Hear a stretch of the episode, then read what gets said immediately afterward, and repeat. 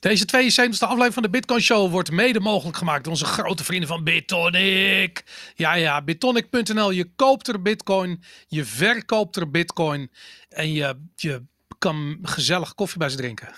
Zoals elke week.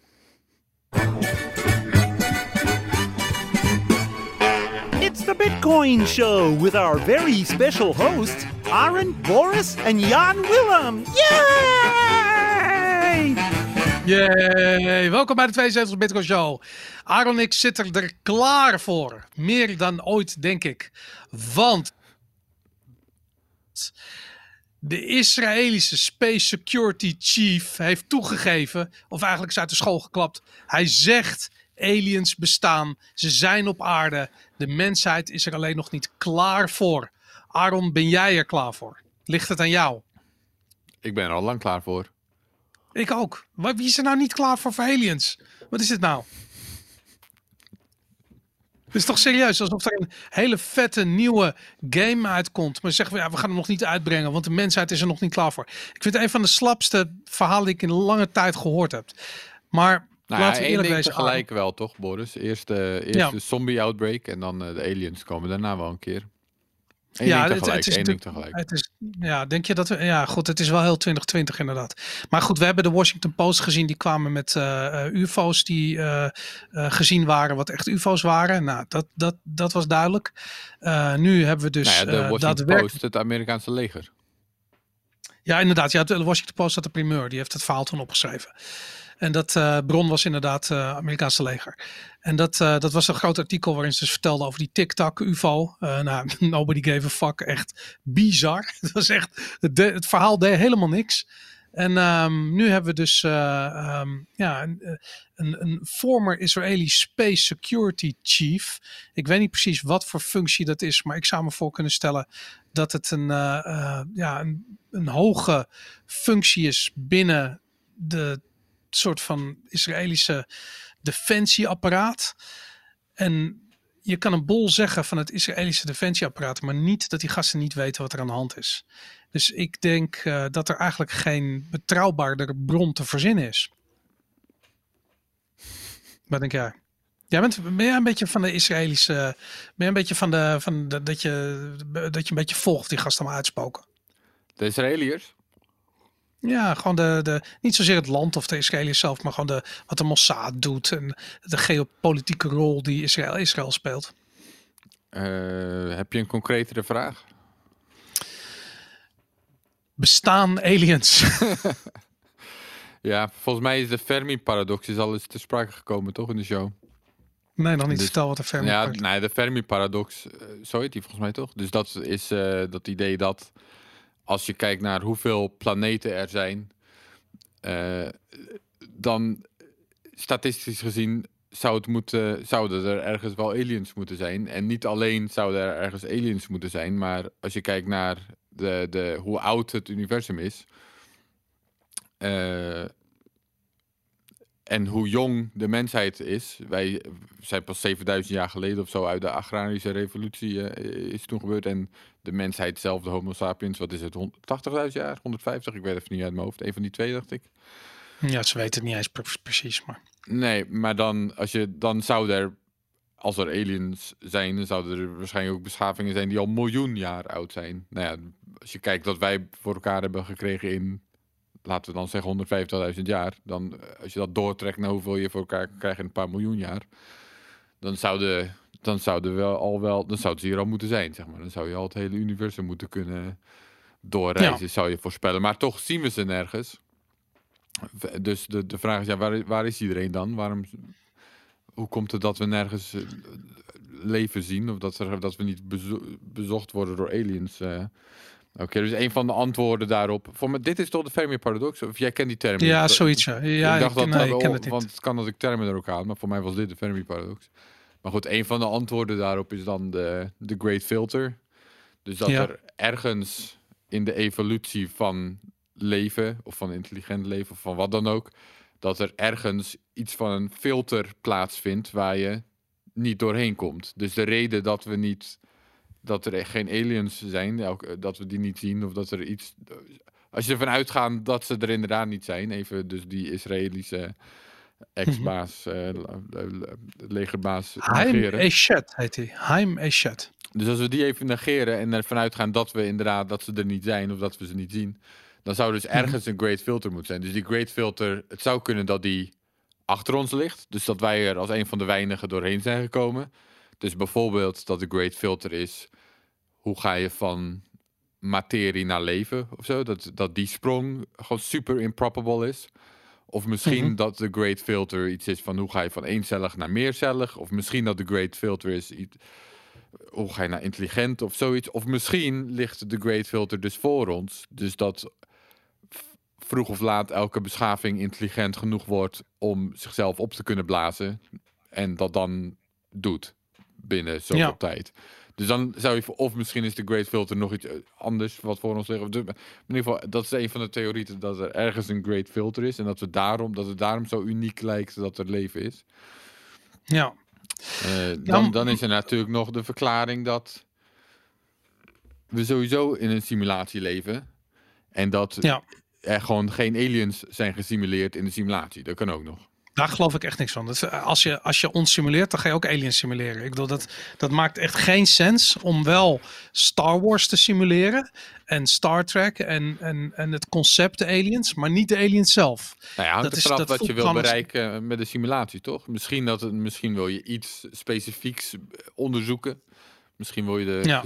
weet je wel, en, en dat aliens even niet relevant zijn voor de simulatie. Dus dat je dat er buiten laten kan. Nou, maar als iets angst kan creëren, dan is het geschikt voor de simulatie. Dat zie je met de mondkapjes. Dat, dat, is, dat maakt veel sens in de simulatie. Want als mensen bang gemaakt kunnen worden, dan, dan heb je een soort van social game. Dus dan snap ik dat we op de Xbox in de toekomst van, die, van, het, van het jochie die in, twee, in het jaar 2240 deze deze Sims game aan het spelen is, waarin wij allemaal gesimuleerd worden, eh, dat, je daar, dat je dat soort dingen gaat doen. Maar die aliens maken daar wel sens in. Maar goed, laten we dan nog heel hebben over dat de... Ze hebben de simulatie, dat is om te testen of mensen mondkapjes willen dragen of niet. Dat is jouw Ja, het is gewoon theorie. net als, nou, net als in de SimCity. Je gaat eerst bouwen in een succesvolle grote stad en dan ga je de boel lopen pesten gewoon, weet je. Dan ga je, Ja. En nu een wervelwind en nu een gigantische brand en nu een soort van meteoor en een, en een, en een dodelijke plaag, weet je. En dus je gaat gewoon, je gaat die mensen lopen terroriseren, want anders is het niet leuk. Eh, maar ja, aliens, en zeker als ze goedaardig zijn, wat deze eh Haim Eshet eh, verklaart, dat ze goedaardig zijn. En dat ze eigenlijk ook gewoon op zoek zijn naar de nature of the universe. Ehm, dan, eh, eh, dan maakt het, ja, dan heeft het, zit er geen spelelement in. Maar goed, laten we heel goed, over de is, bron. hè? eh, Ja, oké. Wa- Je wil naar Ja, de nee, bron. die- Ga je gang. Ja, die, deze man, die Eshet. Kijk, als, als de Amerikanen hadden gezegd aliens bestaan, dan had ik zoiets van, oh, sure, weet je, nu krijgt Trump de schuld ergens van, weet ik veel. Of als eh, ze zouden zeggen, als de Israëliërs zouden zeggen van, nou, aliens bestaan en ze zijn bezig om een nucleaire basis te bouwen in Iran. Weet je, dan had ik ook zoiets van, oké, dit is gewoon een of ander politiek spinverhaal, dat gaat nergens over. Maar dat, dat wordt allemaal niet gezegd. Deze kerel werkt al 30 jaar lang voor iets wat heet de Israel Space Security Program. Ik ben heel erg benieuwd hoe je al 30 jaar lang een Space Security Program kunt hebben, wat dat dan precies doet. Ehm, en hij heeft drie keer heeft hij al de eh, Israel Security Award gewonnen. Nou, dat lijkt me dat je zo'n award wint als je succesvol een soort security policy kunt uitvoeren. Dus stel je voor dat er een, weet ik veel, ik stel me dan voor dat er een, eh, een meteoriet op de aarde afstormt. Die, die, die dreigt precies in te slaan in het, eh, in- midden in, in Tel Aviv. Nou, dan komt Haim Eshet, die komt in actie en die schakelt de meteoriet uit. En dan win je dus de Israel Security Award. Dat lijkt me niet meer dan verdiend. En dan, ehm, of niet meer dan logisch dat je dan zo'n Security Award verdient. Nou, dat heeft hij al drie keer gedaan, zoiets. En nu begint hij dus opeens eh, te zeggen dat eh, Israël en Amerika eh, al jarenlang aan het dealen zijn met aliens. En dat gaat niet over, over immigranten. Het gaat echt over, eh, eh, over het bestaan van een Galactic Federation. Ik bedoel, het is gewoon een fucking aflevering van Star Trek die hier uit de doek wordt gedaan. De man is 87 jaar oud. Ehm, en nou ja, goed, hij, ehm, eh, hij komt met zulke bizarre details. Hij zegt van ja, die, de aarde is dus toegetreden tot de Galactic Federation. En uh, ze, er is een grote basis van die Federation op Mars, waar zelfs al Amerikaanse uh, astronauten naartoe zijn geweest. Dus in die alien space uh, ships. En er zijn dus ook alien representatives, dus een soort van diplomaten, zijn op aarde. jij, jij gaat er in ieder geval volledig in mee, begrijp ik. Maar ja, weet je, ik vind het too good to be not true of zoiets. Ja. weet je, ik bedoel, het is, het is ik bedoel, maar even los van of dit waar is of niet. Hè? Want ik bedoel, ik, ik worstel met aan de ene kant hoe leuk ik het verhaal vind. En aan de andere kant soort van hoe mind-blowing bizar het is. Dat er een, uh, een official, een, echt een high-ranking Israëlische official uit de school klapt. Met dit soort details. Weet je, ik bedoel, het, ja, het is gewoon het is, het is fucking bizar. Het is zoiets raars. En het wordt ook niet echt opgepakt. Dat vind ik ook nog iets raar. Wat hij ook nog zegt, wat ik geniaal vind, is dat uh, uh, president Trump op het punt stond om uh, de hele boel in de openbaarheid te brengen. maar op het laatste moment is overgehaald om dat niet te doen. Omdat dus de mensheid er niet klaar voor is. En dat... Um, stel je dan even voor hoe dat gegaan dat is al een vrij on, uh, onrealistisch deel van het verhaal, toch? Dat Trump niet uit de school zou klappen en erover zou gaan opscheppen. En nou ja, de eer naar zich toe zou willen trekken ervoor. Nou, het is iets wat duidelijk groter is dan Amerika. Dus misschien dat daar is. En, en ik bedoel, Trump is zit absoluut in de broekzak van Israël. Dus dat, dat daar, daar, als daar een soort, ja, weet ik het, een soort samenwerking, weet ik veel. Ik bedoel, ik zie het nog wel kunnen dat dat dan waar is. Um, ik heb meer het idee hoe ziet die persconferentie eruit? Zit Trump dan achter een bureau met een alien naast hem? En die zit dan zo, zo met zijn vingers omhoog van we come in peace. Weet je, zo'n soort verhaal af te steken. Ik bedoel, stel je voor dat dat, dat, dat er is, weet je. Ik bedoel, hoe, hoe, hoe zit jij dan? Wat, wat ik ongeloofwaardig vind van dit verhaal is dat, dat het zo dat die aliens die dan blijkbaar in staat zijn door het universum te reizen en blijkbaar zo technologisch geavanceerd zijn en allemaal dat soort dingen, dat die dan nog steeds soort van de, de instituties die wij hier op aarde hebben bedacht, dat die, die dat respecteren op een of andere manier en via dit, het op die manier spelen. Ik kan me dat ik zou dat wel deprimerend vinden. Dat als er dus een alien soort is dat een miljoen jaar verder is in een evolutie, dat ze nog steeds denken in presidenten en uh, ja, maar je, en landen. En dat ze niet gewoon zeggen, nou, de mensheid, dat is een, een soort. En we gaan niet een soort van... Uh, of, dat lijkt mij teleurstellend als het zo zou gaan. Maar je kunt ze toch ook respecteren. Je, ik bedoel, dit is wat de mensheid soort van voor elkaar gebakken heeft. Deze ellende waar we nu in zitten. zit ook wat in. En wat ik zou doen als ik dan een alien was, dan zou ik, zou ik een beetje kijken van oké, hoe gaat dat hier dan? Dan zie je die centrale banken en dan moet je erom lachen. Heb je iets die gasten daar echt zo dom dat ze daar intrappen? En dan zou ik misschien zoiets van, uh, hey, pst, pst, hier, bitcoin, hier, hier, Satoshi Nakamoto, je weet toch, de whitepaper. Zoiets doen en, en ja, dan maar soort van even kijken wat dat voor effect heeft. Want dat vind ik natuurlijk het hele ding. Ik wil, als dit waar is, dan uh, is de kans toch opeens heel uh, groot geworden um, uh, dat Satoshi Nakamoto een alien is. Aaron of niet? Ja, aan de ene kant wel. Aan de andere kant is het dan ook weer, wederom, dan is het juist ook weer teleurstellend dat ze het niet nog beter hebben gemaakt. Zeg maar. Als ze al die tijd hebben gehad om, weet je wel, ze hebben dan al een miljoen jaar gehad om het te optimaliseren. En dan zitten er nog steeds bugs in de code. Dat je ook denkt, ja, kom op jongens. Maak het, het dan. Is een test. Ja, of, het is een test. Ja, om het. Dit om is het, de, great. Ja. Hoe noemde je dat net? De, de, de, de, je, je noemde het net. De, de bepaald punt waar je. De, de, great, great, filter. filter. Ja. De, Bitcoin is de great filter. Dus we, we op het moment, als wij Bitcoin goed voor elkaar krijgen als mensheid. En ons het juk van centrale bank, van banken en centrale banken van ons af kunnen gooien. En terug kunnen keren naar een intrinsieke vorm van persoonlijke vrijheid, gebaseerd op hard geld, op het meest harde vorm van schaarste die wiskundig gezien mogelijk is, dan, dan hebben we de Great Filter overleefd. En dan verdienen we het als mensheid om toe te treden tot de Galactic Federation. Ja, oh, maar trouwens, dus dan, dus ze hebben blijkbaar een Galactic Federation. Maar dus wederom, dat is nou typisch een soort van institutie die wij als mensen zouden maken. Dan vind ik het dus ergens teleurstellend dat ze niet iets beters hebben bedacht in een miljoen jaar dan een soort van federatie. Of, Maar Ik denk dat net- dat een vertaling is. Dat is een vertaling. Ze hebben gewoon dat in het alien, in een alien taal is het iets heel anders. Betekent zelf alleen dat soort concepten moeten natuurlijk naar vertaald worden naar iets wat wij kunnen begrijpen. ja. Dus de samenwerking, dat wordt dan een soort federation of weet ik veel. Dat, eh, Maar, maar goed, het is al- Maar je zit dan weer met... Oké, dan hebben wij dus nu bitcoin. Dat is dan door hun, daar, door hun hier gedropt. Maar in principe kunnen we bitcoin dan weer niet echt gebruiken met hun. Of in ieder geval, het is wel... Want bitcoin is niet zo goed geschikt voor eh, interplanetaire samenlevingen. Laat staan intergalactic samenlevingen. Omdat je... Het minen moet redelijk dicht bij elkaar zitten. Je kan niet op verschillende planeten minen, omdat het dan te lang duurt voordat de blokken naar de. Of je moet daar dus een, of je moet dus een of andere instant communicatie vinden, wat ook eh, dus sneller Ja. gaat dan lichtsnelheid. Dan zou je. Maar, dat, maar dan heb je überhaupt geen minen meer. Dan kan je sowieso een beter systeem. Want de reden dat we moeten minen heeft eigenlijk te maken met dat we met de lichtsnelheid limitatie zitten. ja, Want als je instant kan zien welke transactie eerder is, dan hoef je helemaal niet met blokken te denken. Dan, kun je gewoon, dan weet iedereen precies wat als eerst kwam. Dus Bitcoin is niet zo goed geschikt voor. eh, dus, dus, dan, dus dan hebben we van aliens iets gekregen wat we niet met hun kunnen gebruiken, heel goed, zeg maar. Snap je?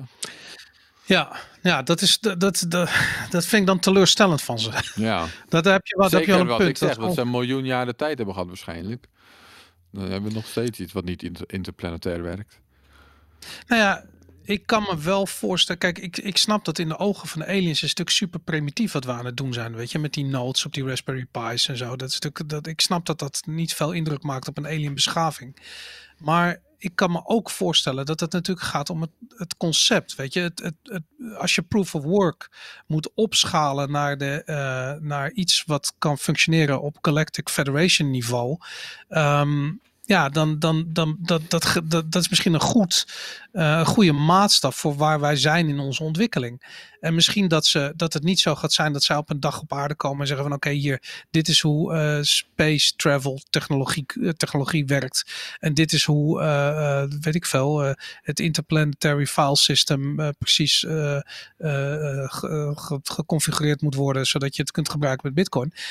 Dat, dat gaat gewoon, ja, dat is misschien die great filter. We moeten daar doorheen. We moeten als beschaving wat verder komen voordat we blijkbaar goed genoeg zijn om kennis te maken met die beschaving.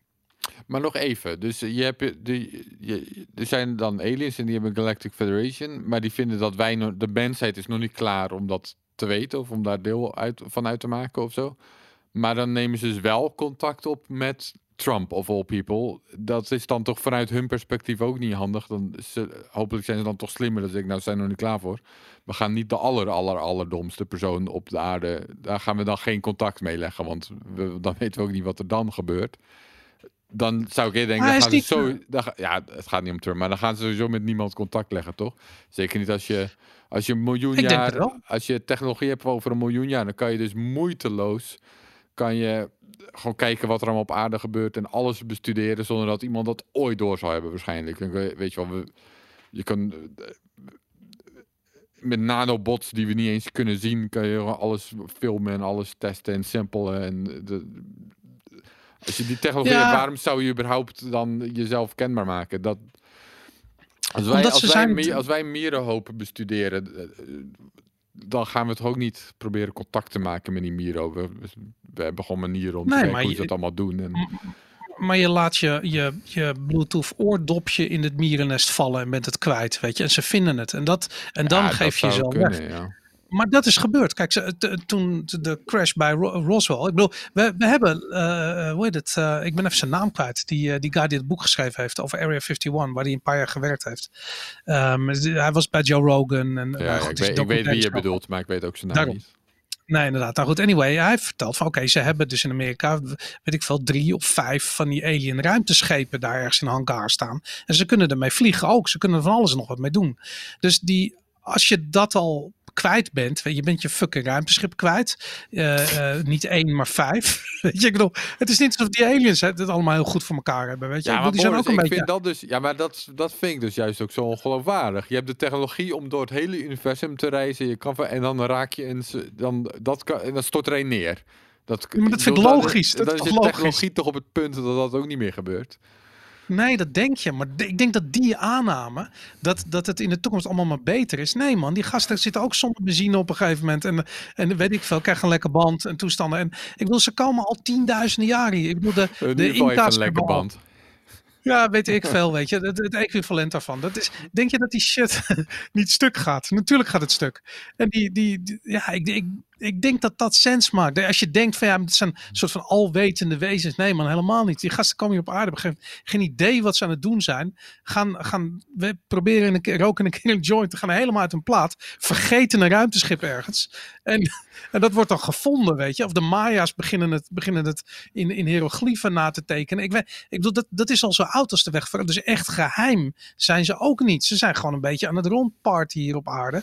En dan, ja, vroeger of later kom je wel een keer iemand tegen. En onze maatschappij ziet er zo uit van ja, welke funnel word je dan ingeleid? Ja, de Israëliërs, de Amerikanen en de Chinezen hoogstwaarschijnlijk en de Russen misschien ook nog. En dat was het dan wel ongeveer. Ik bedoel, ik denk niet dat Rutte eh, onderdeel mag zijn van de Galactic Federation. Ik bedoel, die wordt er echt die wordt, die, wordt uitgelachen door die aliens. Denk je niet? Ehm, hangt er vanaf met hoeveel mensen ze contact nemen dan. Maken. Met hoeveel denk je dan? nee, ik, ik, denk, ik denk de Amerikanen, de Chinezen en de Israëliërs, denk ik dus. Daar, maar goed, daarom denk ik dus dat deze Haim Eshet, eh ik denk dat hij de waarheid spreekt. Omdat ik het onwaarschijnlijk vind dat iemand die zo'n hoge functie heeft, dat niet zou doen. Dat hij met een lulverhaal komt. Dat, dat geloof ik gewoon niet. Tenzij daar een soort agenda achter zit en we straks de volgende eh scamdemic inge, ingejaagd worden, die dan om aliens draait, zodat we allemaal bang opgesloten in ons huis zitten, omdat we anders ontvoerd worden en in de intergalactic worstjesfabriek verdwijnen, weet ik veel zoiets. En dat, ehm, ja, dat is de enige.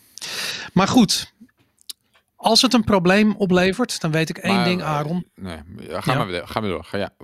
Eén ding, je weet één ding. Bitcoin fixes this. Nou, Bitcoin fixes us dus toch? Volgens de, die theorie. Van Dat jou. ook. Maar ja, daarom inderdaad. Maar goed, ik wil nog wel eventjes zien dat zij een eh, cold card kraken. Of een, eh, of een, of een, of een wallet kunnen decrypten. Of een, eh, ja, ik, ik geloof Nou ja, niet in. dat lijkt me dat juist niet zo onwaarschijnlijk. Dat ze, dat ze dan juist ook encryptie misschien wel eens een keer hebben gebroken. Of dat soort dingen. Ja, Dus dat breken wij Mhm. ook om de zoveel tijd eens een keer. ja. Ja, misschien kunnen ze gewoon bedoel, de- om, er, om ervan uit te gaan dat we nu al de perfecte vorm van encryptie hebben gevonden. In plaats van iets dat goed lijkt, maar misschien gewoon nog niet is gebroken. Zoals een paar algoritmes hiervoor ook. Dat, dan lijkt het laatste me waarschijnlijker. Hmm, dat is nog onnuchterend. En, en ehm, eh, nog niet eens, de- ik bedoel, dan zullen ze misschien toch ook wel quantum eh, computers al hebben en dat soort dingen. Daar zijn wij al mee bezig. Dus eh, als je door het universum kan reizen, dan lijkt het me toch haast wel dat je ook wel quantum computing hebt bedacht op een gegeven moment. Ja, maar quantum computing was niet per se super geschikt om proof of work eh, aan te vallen, toch? Nee, proof of work niet, maar je kan wel ongeveer de helft van alle bitcoins stelen. Ja, dat is waar. Ja, iedereen die, eh, die niet zijn 25ste woord heeft toegevoegd, die heeft een probleem. Maar goed. nou, ehm, nee, zelfs gewoon. eh, als, jij een, als jij je bitcoin... Het hangt vanaf op wat voor adres het zit. Of hoe je je bitcoins hebt opgeslagen. Ja, maar dat heeft toch te maken met, die, met, die, met dat 25ste woord, of niet? Nee, dat eh, staat daar los van. Oh, Eh, misschien dat ik, eh, ik... Ik weet even niet waar jij op bedoelt. Misschien dat, eh, misschien dat er iets... Maar volgens mij staat dat er gewoon los van. Als ik dacht jij, dat als, een, als jij je als Xpub, aliens met... als ja. jij je Xpub deelt met iemand... Dan, alle, Mhm. dan kunnen alle coins die ergens in die Xpub staan... Die kunnen gewoon worden genomen met een quantumcomputer. Ja, op die manier. En als ze niet de Xpub hebben, dan... ja, oké, dat is het. het is zo dat dus als je... je... kan niet de adressen raden. Eh, het was een tijdje geleden hebben we het hierover gehad. En toen had ik ook uitgezocht. Maar in principe de meeste bitcoins, of in ieder geval, ik weet niet meer, het was ongeveer de half om half, dacht ik zo even grof uit mijn hoofd. En het zijn sowieso schattingen. Maar als je een hash van een public key hebt, dan kunnen ze niet worden gestolen. Maar als je de public key zelf hebt, dan kunnen ze wel worden gestolen. Met een quantumcomputer, hè? Ja, Dus veel adressen tegenwoordig zijn wel een hash van een. Of een adres is sowieso een derivaat hiervan. Hè? Maar veel bitcoins zijn opgesloten achter een hash van een public key. Dus die kunnen. Maar sommige. En dat. Dus als je een Xpub deelt, dan deel je in principe je public keys. En dan. ehm, dan kunnen ze worden gestolen. Dus volgens mij, eh, elke Electrum gebruiker bijvoorbeeld, die deelt zijn Xpubs met een server of oude bitcoins, de, die al heel lang vast, als Satoshi's coins of, of Patoshi's coins, zeg maar, die zitten allemaal opgesloten op een manier dat dat niet ook nog is gehashed. Ja. Straks met Taproot gaat het ook, wordt het ook weer de norm dat je gewoon naar een public key in plaats van een public key hash stuurt. In ieder geval, er zijn al een heel aantal voorbeelden, ook bepaalde smart contracts-achtige dingen, dacht ik. Er zijn een heel aantal voorbeelden van coins die gestolen zouden kunnen worden met een quantum computer. Dus als quantum computers echt op het punt komen dat ze bruikbaar worden voor dit soort dingen, ja, dan moeten we wel goed op tijd weer het Bitcoin protocol upgraden. Ja. Maar, maar als aliens dat al hebben, ja, dan wordt het wel, dan hebben we misschien, eh, dan zijn we misschien in hun trap, aan- in hun eh, vallen aan het trappen. Dat kan dus. Zo, al, alle wealth van de wereld gaat naar bitcoin en de aliens gaan er vandoor met alle bitcoin. Juist. Wauw. Dat zou het zijn. Top. Nou goed, laten we beginnen met eh, de huishoudelijke mededeling. Onze ik hoop, website ik hoop altijd dat iemand eh, net voor het eerst van Bitcoin heeft gehoord of zo. En dan, oh, dat is wel interessant. En dan ga je dus meer over leren. En dan, en dan als eerst de Bitcoin Show eh uitcheckt. En dan ons eerst een half uur over aliens wordt praten. Dat hoop ik altijd. Ja. Lu- Luisteraars van de Bitcoin Show die haken ook massaal af in Bitcoin. Eh, maar goed, misschien is dat ook een goede boodschap hoor, daar niet van. Laten we even beginnen. Onze website www.debitcoinshow.nl. Daar staat van alles. Telegram t.me slash de Bitcoin Show. Daar discussieer je met de meest intelligente Bitcoiners van Nederland. Je kunt ze vragen stellen en je kunt vragen beantwoorden als je dat wil. We zitten op Reddit r slash de Bitcoin Show iets te doen. En als je dit kijkt op YouTube, dan alsjeblieft like en subscribe. Want alleen samen kunnen we vechten tegen de demonisatie, de demonisering van YouTube. En eh, goed, aliens dus. Demonetisering. Ja, ik, ik moet zeggen, inmiddels heb ik zo vaak het woord verkracht dat ik niet eens meer weet wat het moet zijn. Ik ben wel qua woorden ben ik heel snel, dat mijn geest is een soort spons en als er iets anders in druppelt, dan wordt dat een soort olievlek en neemt alles over. Dus, eh, maar goed, laten we, het, eh, laten we het daar niet over hebben. Laten we het over de mainstream media hebben en hun, ehm, en hun tergende artikeltjes die we doorgaans eh, voorgeschoteld krijgen. Nou heb jij, Aaron. Nou, niet te veel toch? Nou, inderdaad. Maar, maar je hebt maar liefst twee mainstream media artikelen in deze, in, de, in deze in onze redactie gezet. Dus ehm, laten we beginnen met een artikel in de Volkskrant. Waar een column, een opiniestuk in de Volkskrant. En dat heeft de veelbelovende eh, ehm, titel. Waarom schiet de bitcoinprijs alle kanten op? En het is een, eh, een verhaal van, eh, ehm, hoe heet die beste man? Ehm, waarom staat zijn naam er gewoon niet simpel bij op die Volkskrant? Het is toch een kutkrant, ongelooflijk. Peter de Waard, daar is hem inderdaad. Waarom schiet de bitcoinprijs alle kanten op? Ehm, ik dacht, hier krijgen we weer een prachtig tulpenbollen verhaaltje. Maar ehm, het bleek nog erger te zijn, of niet? Ja, nou, ik stel eh, allereerst, Boris, ik stel voor, we gaan het er sowieso niet te lang over hebben, want zo interessant is het niet. Maar wel, en we hebben in ieder geval Peter Water, hij is al eerder langsgekomen in de show. Toen had hij ook een stuk over Bitcoin, waarin ik me er zo over verbaasde dat iemand die toch, naar mijn inschatting, een intellig- intelligent persoon is, niet begrijpt dat iets dat op nul begint en iets dat uiteindelijk misschien dus een soort van nieuwe goud wordt of wat dan ook wordt, om daar te komen moet je, heb je dus prijsvolatiliteit nodig. Je kunt niet, dat kan je niet uit het niets. Dat is logisch dat er een periode zit dat het, dat het heel volatiel is. Dat kan letterlijk niet anders. Dus dan vind ik het vreemd dat dat, dat de kritiek is. Dat, dat je niet begrijpt, ja, dat, daar moet het doorheen. Dat, dat, je kunt erover discussiëren waar het uiteindelijk gaat eindigen. Maar dat als het daar gaat eindigen, als het het nieuwe gaat worden, dan moet het een tijdje volatiel zijn. Dat kan niet anders. Mhm. Oké, in dit artikel. eh, en eh, ik heb toen ook eh, even genoemd dat Peter Waars schrijft echt al jaren over Bitcoin. Ik kan nog, een- weet je, in 2013 heb ik toen een stuk erbij gehaald waarin hij het.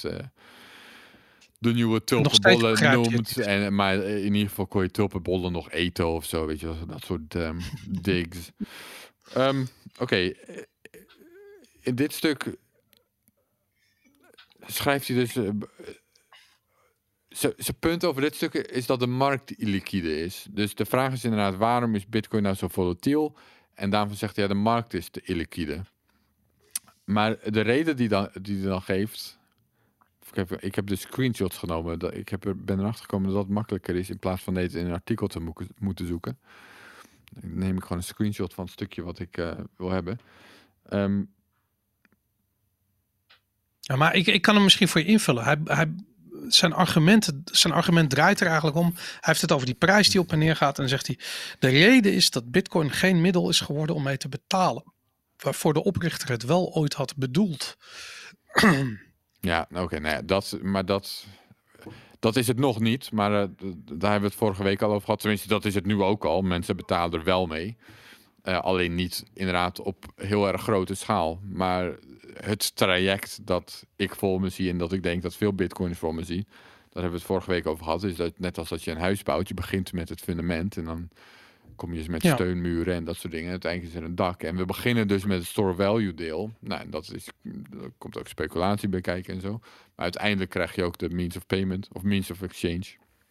En uiteindelijk unit of account. Dus, maar je zegt Maar het dat, wel goed dat jij het- zijn, ja, zijn sorry, argument, eh, zijn argumenten zijn heel vaak, en dat is een soort van categorie argumenten, dat Bitcoin is nu nog niet klaar. Maar ze zien het niet als een work of progress of zo lijkt het. Ze zien het als, kijk, het werkt niet. Want het heeft nog niet alles wat het moet hebben. Terwijl ik zie het veel meer als, ja, Bitcoin is een work of progress. Het is letterlijk nog niet klaar. Eh, de code wordt aangewerkt. Er zijn nog allerlei problemen die moeten worden opgelost. Maar ook inderdaad de, de infrastructuur die eromheen moet worden gebouwd. En inderdaad dingen zoals liquiditeit. Ja, dat is iets dat groeit over tijd. Over tijd weet je, er wordt aan ETF's wordt er gewerkt. Eh, er komen steeds meer professionelere eh, bedrijven die zich daarmee bezighouden. Exchanges, steeds meer in meer landen. Allemaal van, eh, meer mensen die zich ermee be bezighouden. Meer, meer, meer, meer. En dat groeit. Dat is een work in progress. En ik heb daar helemaal niet zo'n haast mee. Ik heb helemaal niet het gevoel van, nou, het is nog steeds niet klaar. Laat dan maar zitten. Wa- Wat, dit, ik denk, en ik denk dat veel bitcoiners dat delen, dit is een, dit is een lange termijn project. Dit kan meerdere decennia duren. Misschien duurt het wel 100 jaar. Misschien weet ik veel hoe lang het gaat. Maar zolang ik vooruitgang zie, en dat zie ik heel duidelijk, zie ik geen reden om nou zo kritisch te zijn over, nou, op dit moment is het nu niet klaar. Het is een onzinproject. ja. Oké, Wij- een van de dingen wou- die hij nog zegt, maar ik zal, laat eerst jouw antwoord nu, Boris. Ja, nee, ik, ik wou heel want even hierover. We hebben het vorige keer gehad over, eh, volgens mij was het Nick Carter, zijn artikel, waarbij die eigenlijk eh, vier ehm, fases, eigenlijk vier narratieven schetst van Bitcoin. Nee, dat was En eh Vijay. Oh ja, was het Vijay Bodhipati? Die, Ja. de- je hebt gelijk. Vier cases eh schetsen die voor hoe je Bitcoin zou kunnen waarderen. En eh, de eerste case is namelijk dat het is een tulpenbollenmanie en het zal eh, en zijn intrinsieke waarde is nul en het zal nooit wat worden. En wat mij zo opvalt is dat heel veel mensen ehm, niet voorbij de ene case die ze begrijpen kunnen stappen. Ze kunnen daar niet uitgroeien. En of je nou een Volkskrant columnist bent of een hoogleraar economie, ik zie overal hetzelfde gebeuren. Die mensen, ze, ze ontberen enige vorm van, van creativiteit. Ze zijn niet in staat om eh, exponentieel te denken als ze naar techniek kijken. Ze hebben echt geen idee uh, hoe een monetair goed zich ontwikkelt. Zelfs als het voor hun snuit zien gebeuren met Bitcoin, hè, dan nog steeds rinkelt er geen enkel belletje dat zoiets hebben van: hey, dit is voor het eerst in de geschiedenis van de mensheid dat we monetair goed uh, kunnen zien ontstaan. Weet je, goud heeft er duizenden jaren over gedaan. Dat hebben we niet bewust meegemaakt. Bitcoin doet het in waarschijnlijk in een paar decennia. En dat kun je dus meemaken. En dat uh, beter doe je ogen open en kijk je wat er aan de hand is. In plaats van dat je fucking gaat vasthouden aan verouderde conventies. En dat, het verbaast me. En wat me helemaal verbaast is dat, kijk, deze Peter de Waard, ik weet het niet, weet je. Misschien is die man altijd al uh, niet al te slim geweest. Maar ik ken, uh, ja, wat ik al zei, ik ken echt hoogleraren die, die worstelen met exact hetzelfde. Die hebben gewoon grote moeite om over, over hun eigen vooringenomenheid heen te stappen. Ja, om even een klein beetje inhoudelijk op het artikel in te gaan. Dus een van de dingen dat die, dat die hij zegt is, maar de keerzijde van Bitcoin is dat er zo weinig van zijn. De markt is illiquide, zoals het in vaktaal heet. Dat is wel haast onbegrijpelijk, natuurlijk, dat er zo weinig van zijn. Ja, er zijn 21... Ik bedoel, ik hoef dit in de Bitcoin Show niet uit te leggen, denk ik. Er, ja, er zijn 21 miljoen, maar dat kan je tot acht, Mhm. kom, eh, acht getallen achter de komma opdelen. En mocht het nodig zijn, kunnen we dat verder doen. Dus dat, dat, dat is sowieso dat er weinig van zijn in absolute aantallen. Dat is totaal irrelevant. Maar het kan dat hij dat ook niet helemaal bedoelt. Daarna zegt hij in ieder geval de markt is illiquide, zoals het in vaktaal heet. Maar dat staat dan los van dat er weinig zijn. Dat is met hoeveel volume er is en hoeveel... Dus zeg maar in dollars gemeten even als unit of account. Hoeveel trading volume er is en dat soort dingen. Dat lijkt me dat... Iets wat trouwens exponentieel aan het groeien is. Precies, ik geloof dus- dat we 400 miljoen per dag doen of zoiets. Dat is bizar. Nou ja, wat misschien nog steeds weinig is in vergelijking, in verhouding met aandelen of zo, of met eh, obligaties. Forex market, ja. precies, tu- tuurlijk. Maar dat is dus mijn punt waar ik net op kwam. Ja, maar het is een work in progress. En zolang het groeit, zolang ik zie dat het groeit, denk ik, nou, dat gaat de goede kant op. We kunnen er komen. Nu is het er inderdaad nog niet, maar eh, ja, ik, ik vind dat toch enigszins onbegrijpelijk. Oké, nu komt hij op een punt dat iets, iets ehm, legitiemer is, denk ik. Een iets oprechter punt. Of een, een punt dat ze wel enigszins serieus kan nemen. En dat is. Nou, hij maakt het verschil tussen dat de goudmarkt veel groter is dan Bitcoin. Maar dan zegt hij ook van ja, oké. Als de prijs van goud stijgt, dan gaan er meer miningmachines aan. Dan gaan mensen harder op zoek naar goud. Dus dan komt er ook meer goud bij. Dus dat dempt een beetje de prijsstijging. Nou, dat is, daar heeft hij zeg maar een schaduw van een punt te pakken. Dat is inderdaad, dat klopt inderdaad. De hoeveelheid goud kan toenemen, of in ieder geval de hoeveelheid goud in circulatie kan toenemen door de prijs, waardoor het een beetje dempt.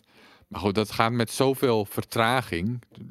Het punt dat iemand goud, dat opeens dat er een goudrush komt op de, omdat uh, obligaties in elkaar zakken of zo.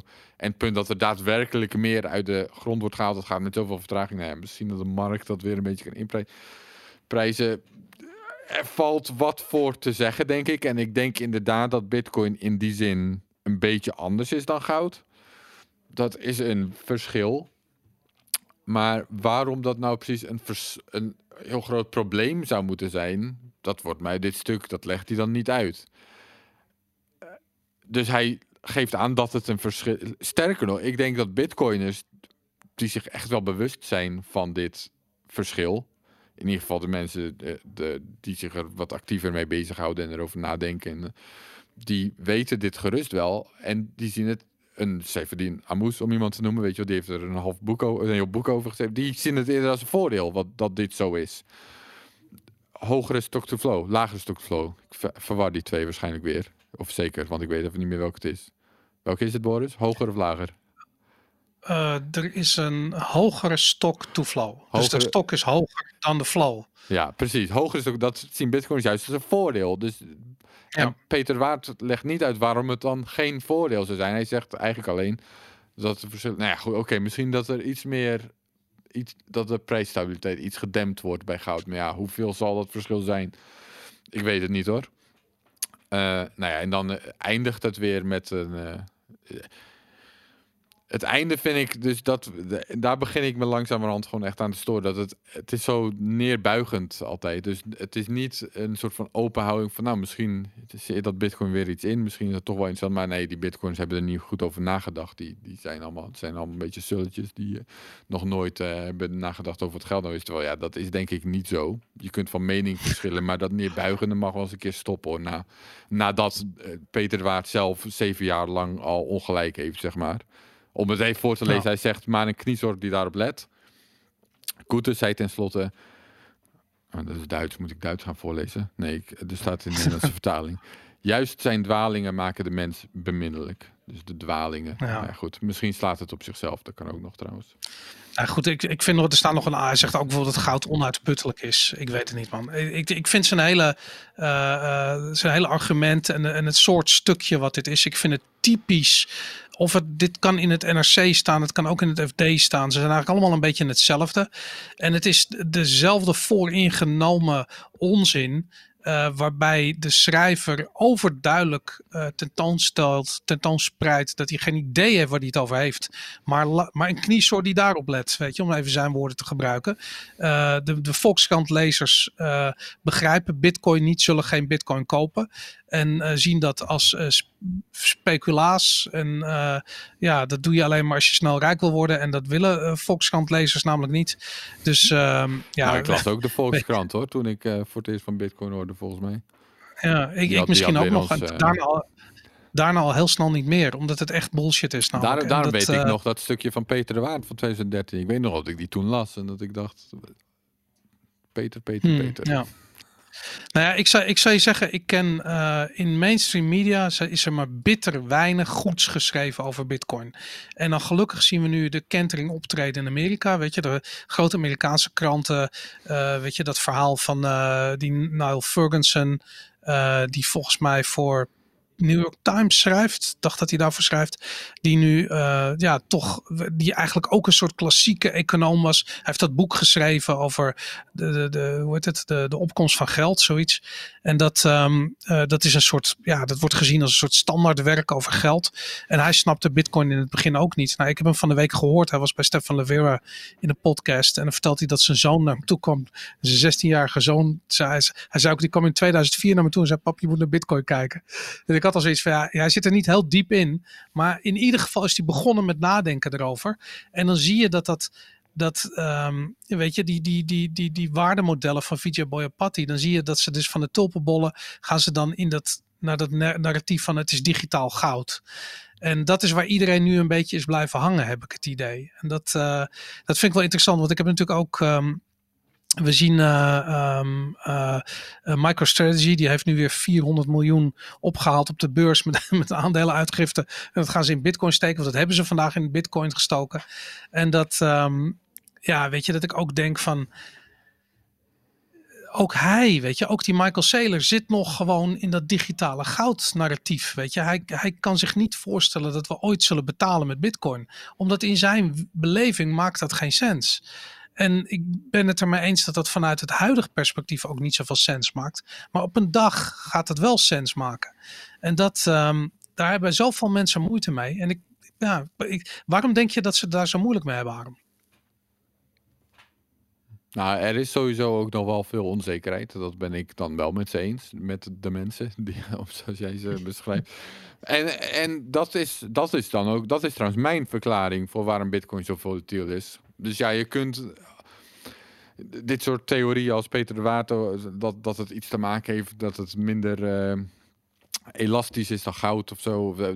Dat zal allemaal wel, maar de daadwerkelijke reden dat, het, dat Bitcoin zo volatiel is, is omdat er zijn eigenlijk twee mogelijke uitkomsten voor Bitcoin. Of het faalt en het is uiteindelijk niks waard.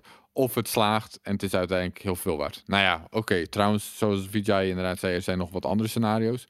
Maar hoe het gaat eindigen, waar Bitcoin gaat eindigen, daar is nog wel veel onzekerheid over. Dat vind ik ook wel. Het kan nog steeds falen. Het kan ook de World Reserve Currency worden. Het kan ook ergens midden in het nieuwe goud. Het kan of, eh, of iets wat vooral goed is voor bepaalde dingen. Dat kan allemaal nog. Ik denk, en het, het is iets heel nieuws. En sowieso het is begonnen op nul. Dus als het niet op nul eindigt, moet het ergens veel hoger eindigen waarschijnlijk. En dan moet het daar dus met volatiliteit heen. Volatiliteit vooral omhoog, maar dat is ook volatiliteit. Maar de markt is aan het zoeken van oké, welke is het? Waar, waar gaat het heen? En dat hangt van allerlei factoren af. Dus dat hangt er inderdaad vanaf, oké, gaat dit aanslaan bij instituties? Of gaat het verboden worden? Of als het verboden wordt, kan het dan door blijven bestaan? Of, en er zijn zoveel vragen en zoveel. En, en dan heb je een hele wereld van mensen die is hier, nou, in ieder geval veel mensen en ook met veel mensen met veel geld. En die zijn er allemaal over aan nadenken.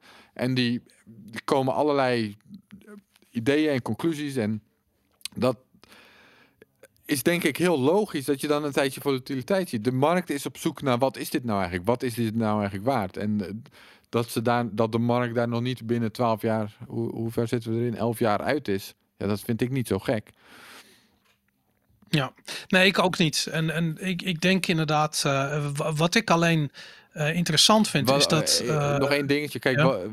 dit zie je ook bij waar, je dit nou ja, dit zie je ook, maar dus ook juist weer niet, is bij dingen zoals ehm startups, die kunnen ook heel erg in waarde fluctueren. Alleen dat gebeurt vaak een beetje achter de schermen. Hè? De- tegen de tijd dat ze publiek gaan en dat het duidelijker wordt wat ze nou eigenlijk wat de wereld aan ze heeft en wat ze, wat ze gaan worden eh, of wat ze doen en wel, wel- hoeveel winst ze daarmee maken en zo, dan, dan wordt het stabieler. Maar in de, in de start-up fase, in de beginfase, de- dat er nog zoveel onzekerheid is, weet je wel. Facebook, voordat het het social medium werd, om, om te noemen, ja, was Mhm. nog aan het concurreren met MySpace en er kon van alles fout gaan. En, we, en, en, en als je zeg maar achter de schermen zou kunnen kijken naar hoe zo'n start-up op dat moment wordt gevalueerd, is dat een Nederlands woord? Wat voor waarde? Ja, valuatie. ja. Inderdaad. Ja. Dan is dat ook nog heel volatiel. Dus Bitcoin heeft zeg maar die achter de schermen zoektocht van wat is dit nou eigenlijk waard. Zo'n nieuw ding, eh, het kan op allerlei plekken eindigen. Dat zien we nu heel erg duidelijk op de voorgrond gebeuren en iedereen kan eraan deelnemen. En dat, Ja. zijn we, dat zijn we misschien ook niet echt gewend dat zoiets zo erg publiek in de voorgrond gebeurt. En bij Bitcoin zien we dat nu. En mensen kijken, mensen zoals Peter Waard kijken daarnaar en, en die zijn dat niet gewend en die komen met dit soort verklaringen waarvan ik denk, ja, dat zal gerust ook een factor zijn, maar volgens mij zo'n minieme factor vergeleken met wat ik nu beschrijf, dat, dat ik, om het daaraan toe te schrijven een beetje on- onzinnig, denk ik eerlijk gezegd. Nou, wat ik, wat ik interessant vind, Arlen, ik ben benieuwd naar jouw perspectief daarop. Als ik kijk naar eh, de oldschool bitcoins, en ik ga ook een bruggetje bouwen naar ons volgende artikel zo meteen, want dan gaan we het ook hebben over Gavin Andreessen. Ehm, als je kijkt naar die oldschool bitcoiners, daarvan heb ik het idee dat dat mensen zijn die er echt heel erg vanwege de tech in zaten. En dat er in 2017 is er een groep bitcoiners bijgekomen die op dat ogenblik in bitcoin iets herkenden wat voor die tijd niet bestond. En dat was namelijk, dat zijn de mensen die juist heel erg die economische eh, aspecten van bitcoin zijn gaan bestuderen. Ja. En daarin, ja, zoals zo'n VJ Boyapati bijvoorbeeld, is een goed voorbeeld van, van een jongen die echt als econoom eh, eerst kritisch was op bitcoin. eh, eh, in 2017 zoiets had van wow, wat, wat gebeurt hier eigenlijk? Dat is gaan analyseren en daarover is gaan schrijven. En, en dat herkende toch- dat er iets bijzonders... Ja, Dat is toch juist, voor mij is het juist een goed tegenvoorbeeld. Voor mij was hij er al lang. Toch? Nee, volgens mij is hij. Nou ja, hij, is, hij volgens mij. Hij zegt zelf dat hij in 2014 begon, dus ja, wie niet. Maar dat daar zit dan een. Ik denk dat het wel klopt. toch? Ja, maar hij heeft niet geschreven voor die tijd. Hij, hij is volgens mij echt pas Hmm. begonnen te publiceren na, na 2017. Of in 2017, weet ik zoiets. Nee, Maar goed, er zijn wat, er wat meer. ik wilde gaan zeggen is dat ik dat dus juist met je oneens ben. Ik vind dit juist het Wi- Willem Middelkoop arrogantie. Dat, dat hoor ik hem wel vaker zeggen, dit soort dingen. Dat ja, het waren Mhm. allemaal een beetje die tech-nerds en eh, hè, die jongens zoals jij, Boris, die gamers. En nu, nu komen de mensen met verstand van geld even meedoen. Ja, dag, dat, Ja. dat was al lang zo. Ik bedoel, Nick Zabo, kom op even. Die heeft geen verstand van geld. Die is er al sinds het begin bij. Die was al met Bitcoin bezig voordat Bitcoin een ding was. En hij is echt niet de enige. Er zijn echt wel meer mensen die he- he- hebben nagedacht over geld en wat Bitcoin en wat geld is. En Asian economics-achtige mensen, die zijn er ook al lang. En eh, ik, ik geloof echt niet dat soort van ja, nu komen de volwassenen zich, volwassenen zich ermee bemoeien. Dat, dat soort van narratief.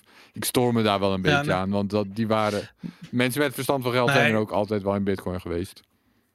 Ik denk niet dat hij bedoelde verstand van geld. Ik denk gewoon mensen met geld.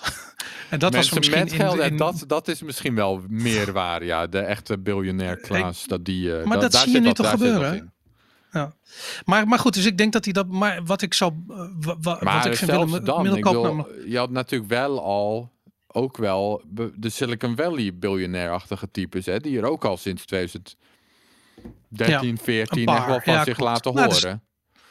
Ja, nou, de- Pieter Thiel zit er al lang in, inderdaad. Maar goed, dat zijn vision, visionairs. En eh, wat ik interessant vind alleen, het gaat mij om dat narratief van ja, kijk, als je kijkt naar Bitcoin als zijnde het nieuwe goud, dan is dat een beetje de volgende fase. Dus eerst bleef iedereen zoals deze Peter de Waard hangen in dat van nou, tulpenbollen, tulpenbollen, tulpenbollen, speculatie en that's it. En nu zijn we toe, en dat zie je bij Willem Middelkoop ook, die is helemaal, heeft hij het idee omarmd dat Bitcoin digitaal goud is. En als je tegen hem zegt van op een dag wordt het een World eh, Reserve Asset, dan heeft hij zoiets van nee, dat kan helemaal niet. Maak je niet zo druk, dat kan echt niet. Terwijl ik zoiets heb van ja, wacht maar eventjes, want het duurt zodra Bitcoin die, eh, die die, die goud market cap eh, eh, heeft opgeslokt. En dat, dan hoeft het maar keer 30 te gaan. Nou, dat kan al in deze bull cycle uh, gebeuren, bij wijze van spreken. Als dat gebeurt, dan is het volgende fase, is namelijk gewoon die World Reserve Asset fase. En dan zijn mensen opeens wel, ja, nou inderdaad, zoals je, als je er nu naar kijkt, is het toch een heel andere asset class dan uh, vier jaar geleden. En dat is het hele punt, dat Bitcoin steeds een soort transformatie doorgaat en opnieuw bovenkomt als een nieuw soort asset. Het, het verandert, het narratief verandert, het product verandert, de technologie is zelfs veranderd. En, dat, um, en deze mensen als die Peter de Waard, en eigenlijk de meeste mensen die Bitcoin niet snappen, die hebben grote moeite om vooruit te denken en verder te kijken dan het huidige narratief. Ik weet niet meer wie het tweette, maar ik zag uh, een tijdje geleden, misschien was het ook wel Vijay of misschien een van die... Uh misschien een van die Nakamoto Institute mensen, Pierre zo, ik weet het niet meer. Maar iemand tweette iets in de trant van, als Bitcoin straks geslaagd is, hoe obvious gaat het er dan uitzien in, in hindsight? Ja, het is, ja dat vind ik maar dat vind ik een hele mooie opzet naar, uh, naar het volgende artikel. Uh, artikel waar jij zelf uh, verantwoordelijk voor bent, Bitcoin Magazine. en dat gaat over de geschiedenis van Pay-to-Script hash. En ik heb het echt zitten lezen alsof ik een detective roman aan het lezen was. Ik vond het heel interessant. ik miste een beetje de, de, de ontmastering van Gavin Andreessen, maar dat kwam later natuurlijk. Maar um, um, ja, dit artikel is verschenen in, uh, in Bitcoin Magazine uh, vorige week, volgens mij 4 december. Um, kun je, kun je even, voordat we over de inhoud van het artikel uh, gaan hebben, vertel me heel eventjes, hoe, hoe komt zo'n artikel tot stand? Ja, dus um, je had... Um, ik, ik, wist dat er, dus dit is zelfs nog voor mijn tijd in Bitcoin. En ik wist dat er ik heb natuurlijk heel actief de hele block size war meegemaakt, maar de Civil War, de scaling Civil War. En ik wist dat er in 2011, 2012 al eerder een, um, een, een soort van zoiets was gebeurd. Op kleinere schaal, maar ik wist, dat, ik wist ervan en ik wist er wat van. Ik wist er wat over en ik had wat mensen er een beetje over gesproken. Maar het was voor mijn tijd. En er was niet echt iets goeds over geschreven nog. Uh, dus, dus het bleef altijd een beetje iets. Het was een tijdje iets wat ik op mijn to-do-list had staan. Van, ik wil dat artikel nog eens een keer. Ik wil daar nog eens een keer een artikel over schrijven. En op een gegeven moment um, had Pete Rizzo, die is. Uh, die, die heeft heel lang voor Coindesk geschreven en ik ken hem ook al heel lang, maar we, uh, we waren altijd een soort van een beetje con concurrenten natuurlijk, of conculega's. Ik wil altijd wel een soort van mutual respect, maar hij zat bij Coindesk en ik bij Bitcoin Magazine. En op een gegeven moment is hij, uh, hij is de laatste tijd veel onderzoek aan doen, ook naar uh, de, scaling wars en dat soort dingen. En op een gegeven moment kwam hij dus met, daar had hij het ook met mij over. En, en op een gegeven moment kwam hij dus met dat ding, uh, dat die eerdere mini Civil War. En hij vroeg of ik daar iets van wist. En hij zei dat hij daar een artikel over wilde schrijven, dat hij dat wel interessant vond. En toen stelde ik dus voor, nou, we kunnen ook samen, want dat wilde ik ook al een tijdje doen. Dat vond hij een tof idee, dus dat zijn we toen gaan doen. Hij beschreef het als, uh, in een andere podcast hoorde ik hem het beschrijven, dat vond ik wel een leuke beschrijving, als dit, dit, dit artikel is zeg maar een beetje de, de, hobby, de Hobbit van de Lord of the Rings, zeg maar. Als de Lord of the Rings de Scaling Wars zijn, dan is de Hobbit zeg maar een soort van losstaand prequel verhaal, wat ook wel leuk is. Overigens geen idee het leuk is, want ik ben geen Lord of the Rings fan. Ik heb de Hobbit ook nooit gelezen of hm. gezien. Maar de, ik, de analogie snap ik, zeg maar. Mhm. De, beantwoord dat je vraag. Zullen we het hebben over de inhoud? Ja, laten we het over de inhoud hebben. Ja, ja dus het, het uh, ging over uh, pay-to-script hash. Dus dat is um, elk adres wat we nu zien met een 3. Dat is in principe pay-to-script hash.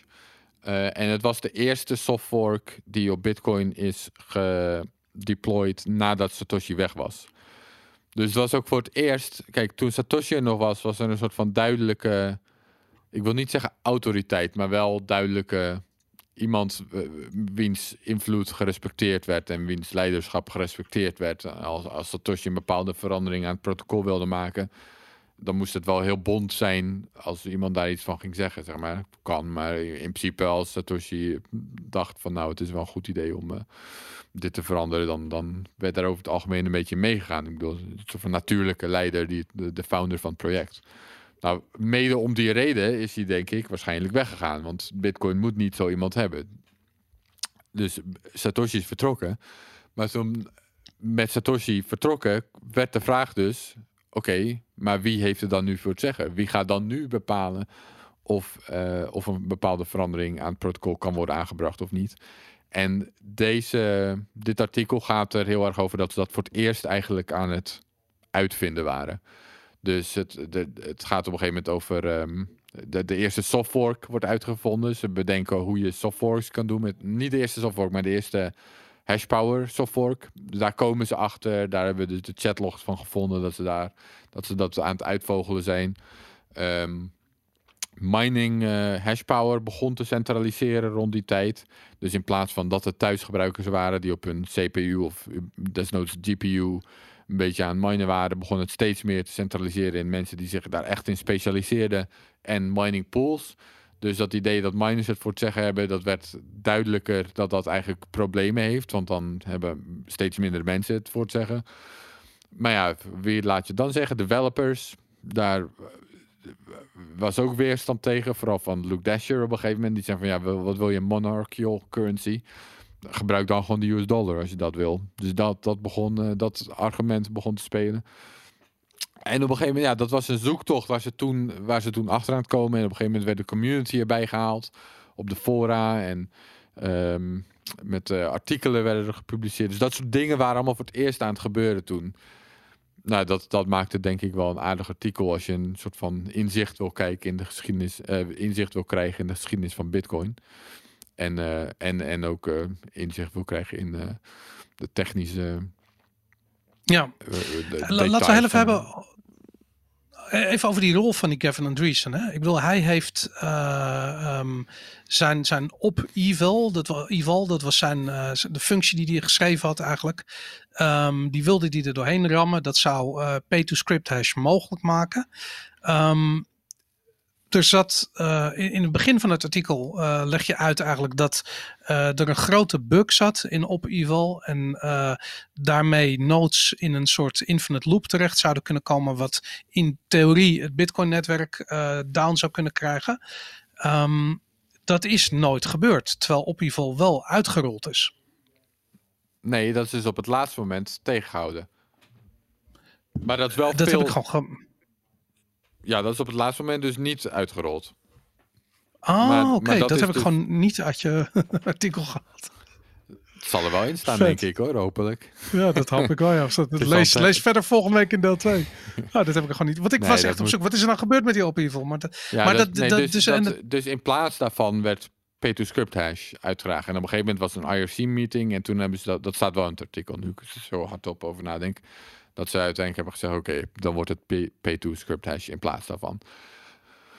Ehm, En dat was het, maar, eh, is dus dat was het voorspel. Maar het, is, maar het is veelzeggend inderdaad dat ze dus echt op het punt waren om OP Eval uit te rollen. En dat er een grote bug in bleek te zitten. Dus dat, we hadden dat, dat, dat een groot probleem geweest als dat toen was gebeurd.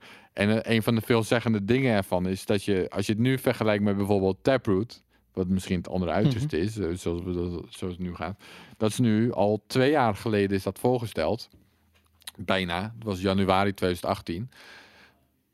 Zeg ik dat goed? Eh, dan is het dus al meer dan twee jaar geleden. Zeg ik dat goed? Ben ik aan Ja. misrekenen? Ja. Anyways, ja. we gaan bijna drie jaar in. Precies, ja. God, dat is nog langer dan ik dus dacht. Man, ik zat, het, zat met twee jaar in mijn hoofd. We gaan bijna drie jaar geleden dat het is voorgesteld. Anyways.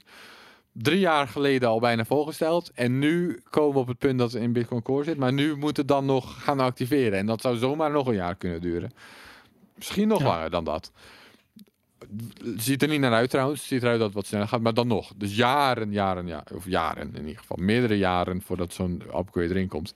Tot toen ging zoiets echt in drie maanden. Gewoon voorgesteld. Iemand kijkt er even naar. Oké, kom maar.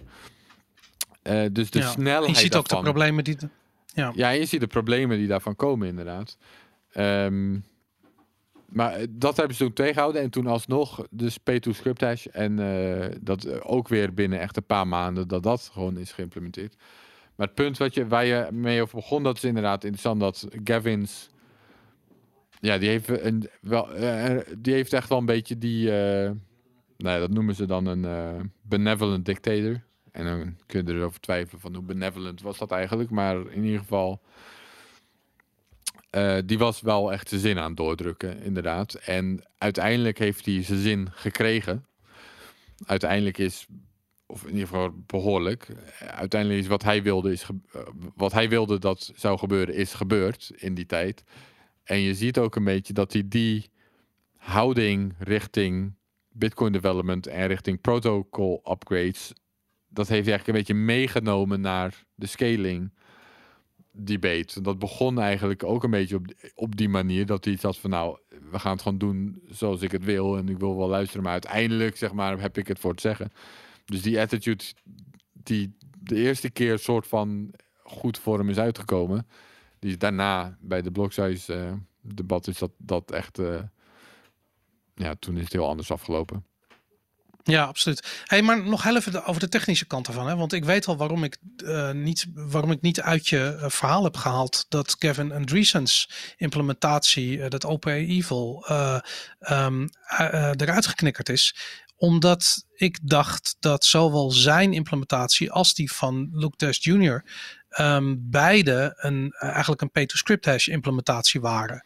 En aangezien het niet Luke Dash Jr.'s voorstel is geworden, en het dus eh, dacht ik van het is uh, Andreessen's een P2Script hash implementatie geworden. Ja, die zit erin. Of nog- Maar dat is dus iets anders dan OpenEval. Er zijn er zeg maar, er komen drie dingen in het artikel voor. OpenEval, Oké. P2Script hash en check hash verify. Dus OpenEval, dat was het eerste voorstel waar in principe iedereen het mee eens was tot er een bug in bleek te zitten. P2Script hash was toen het alternatief waar Gavin voor was. En toen was check hash verify daar weer een alternatief voor waar Luke Dasher voor was. Ja, op die manier. Oké. En die waar Goed. Gavin voor was, die is er uiteindelijk dus ingekomen.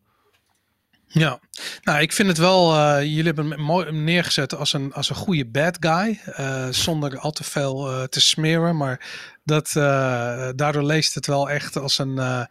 Eh, als een beetje een detective roman, omdat het leuk is om, eh, om te zien hoe zo'n eh, hoe zo'n traject gaat. Ik moet je zeggen, met de kennis van nu krijg ik het toch met terugwerkende kracht Spaans benauwd over hoe shaky dat project in de begindagen was. En ik vind het heel erg tof. Ergens wordt ook gezegd, een quoteje, een, een developer die zegt van ja, we hebben hier te maken met een, met een, met een project waar maar liefst 20 miljoen dollar aan waarde in zit. En dan denk ik echt zo van, Jesus Christ, er zijn shitcoin projecten met 100 miljoen, die worden echt genadeloos in de fik gestoken door een of andere slechte bug, weet je. Dat stelt niks voor. Dus het is echt prijzenswaardig dat die, dat die developers in die begindagen zo ontzettend zorgvuldig te werk zijn gegaan. En het is dan eigenlijk nog een godswonder dat het goed is gegaan. Uh, want mensen als Kevin Andreessen hadden het gewoon kunnen torpederen. Ja, ik, ik zat. Uh, nou, ik wil ook niet echt de smeerkant opgaan. Maar ik zag iemand. Ik zag van de week een video. Iemand had hem, denk ik, onder onze artikelen gepost. Gewoon iemand die had een soort van stream of consciousness uitleg gegeven van waar, dat hele, waar de hele scaling wars nou eigenlijk uitgingen. En daarin sprak hij de, het vermoeden uit dat Satoshi Express de meest incompetente developer zijn opvolger heeft gemaakt. Omdat die dan ook zo snel mogelijk weer uit het project zou worden gebonjourd, zodat het echt een leideloos project zou worden. Ik, Ja, vond, het vet. grappige, Ah, ik dat- vond het een grappige theorie. Ik zeg niet dat ik het ermee eens ben of zo. Ik, ik, maar omdat je het noemt, ik, vond, eh, ik moest er wel om lachen, die theorie. Wie weet. Nou, absoluut. Cool.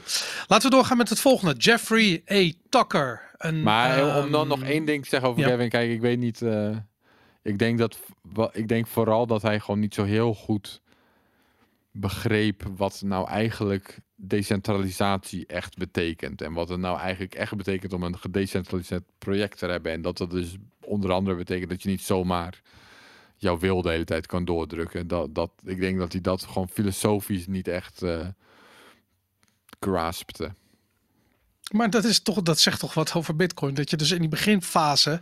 dat het project geleid wordt door zo iemand. dat dat kan gebeuren. Dat is interessant. Maar goed, ik ben blij dat het goed gekomen is hoor. En dat, dat, niet, uh, uh, dat we daar niet eens aan blijven hangen. Ik, ik, je ziet overigens hetzelfde dynamiek optreden bij veel shitcoins. En die gaan ook echt op dezelfde manier kapot.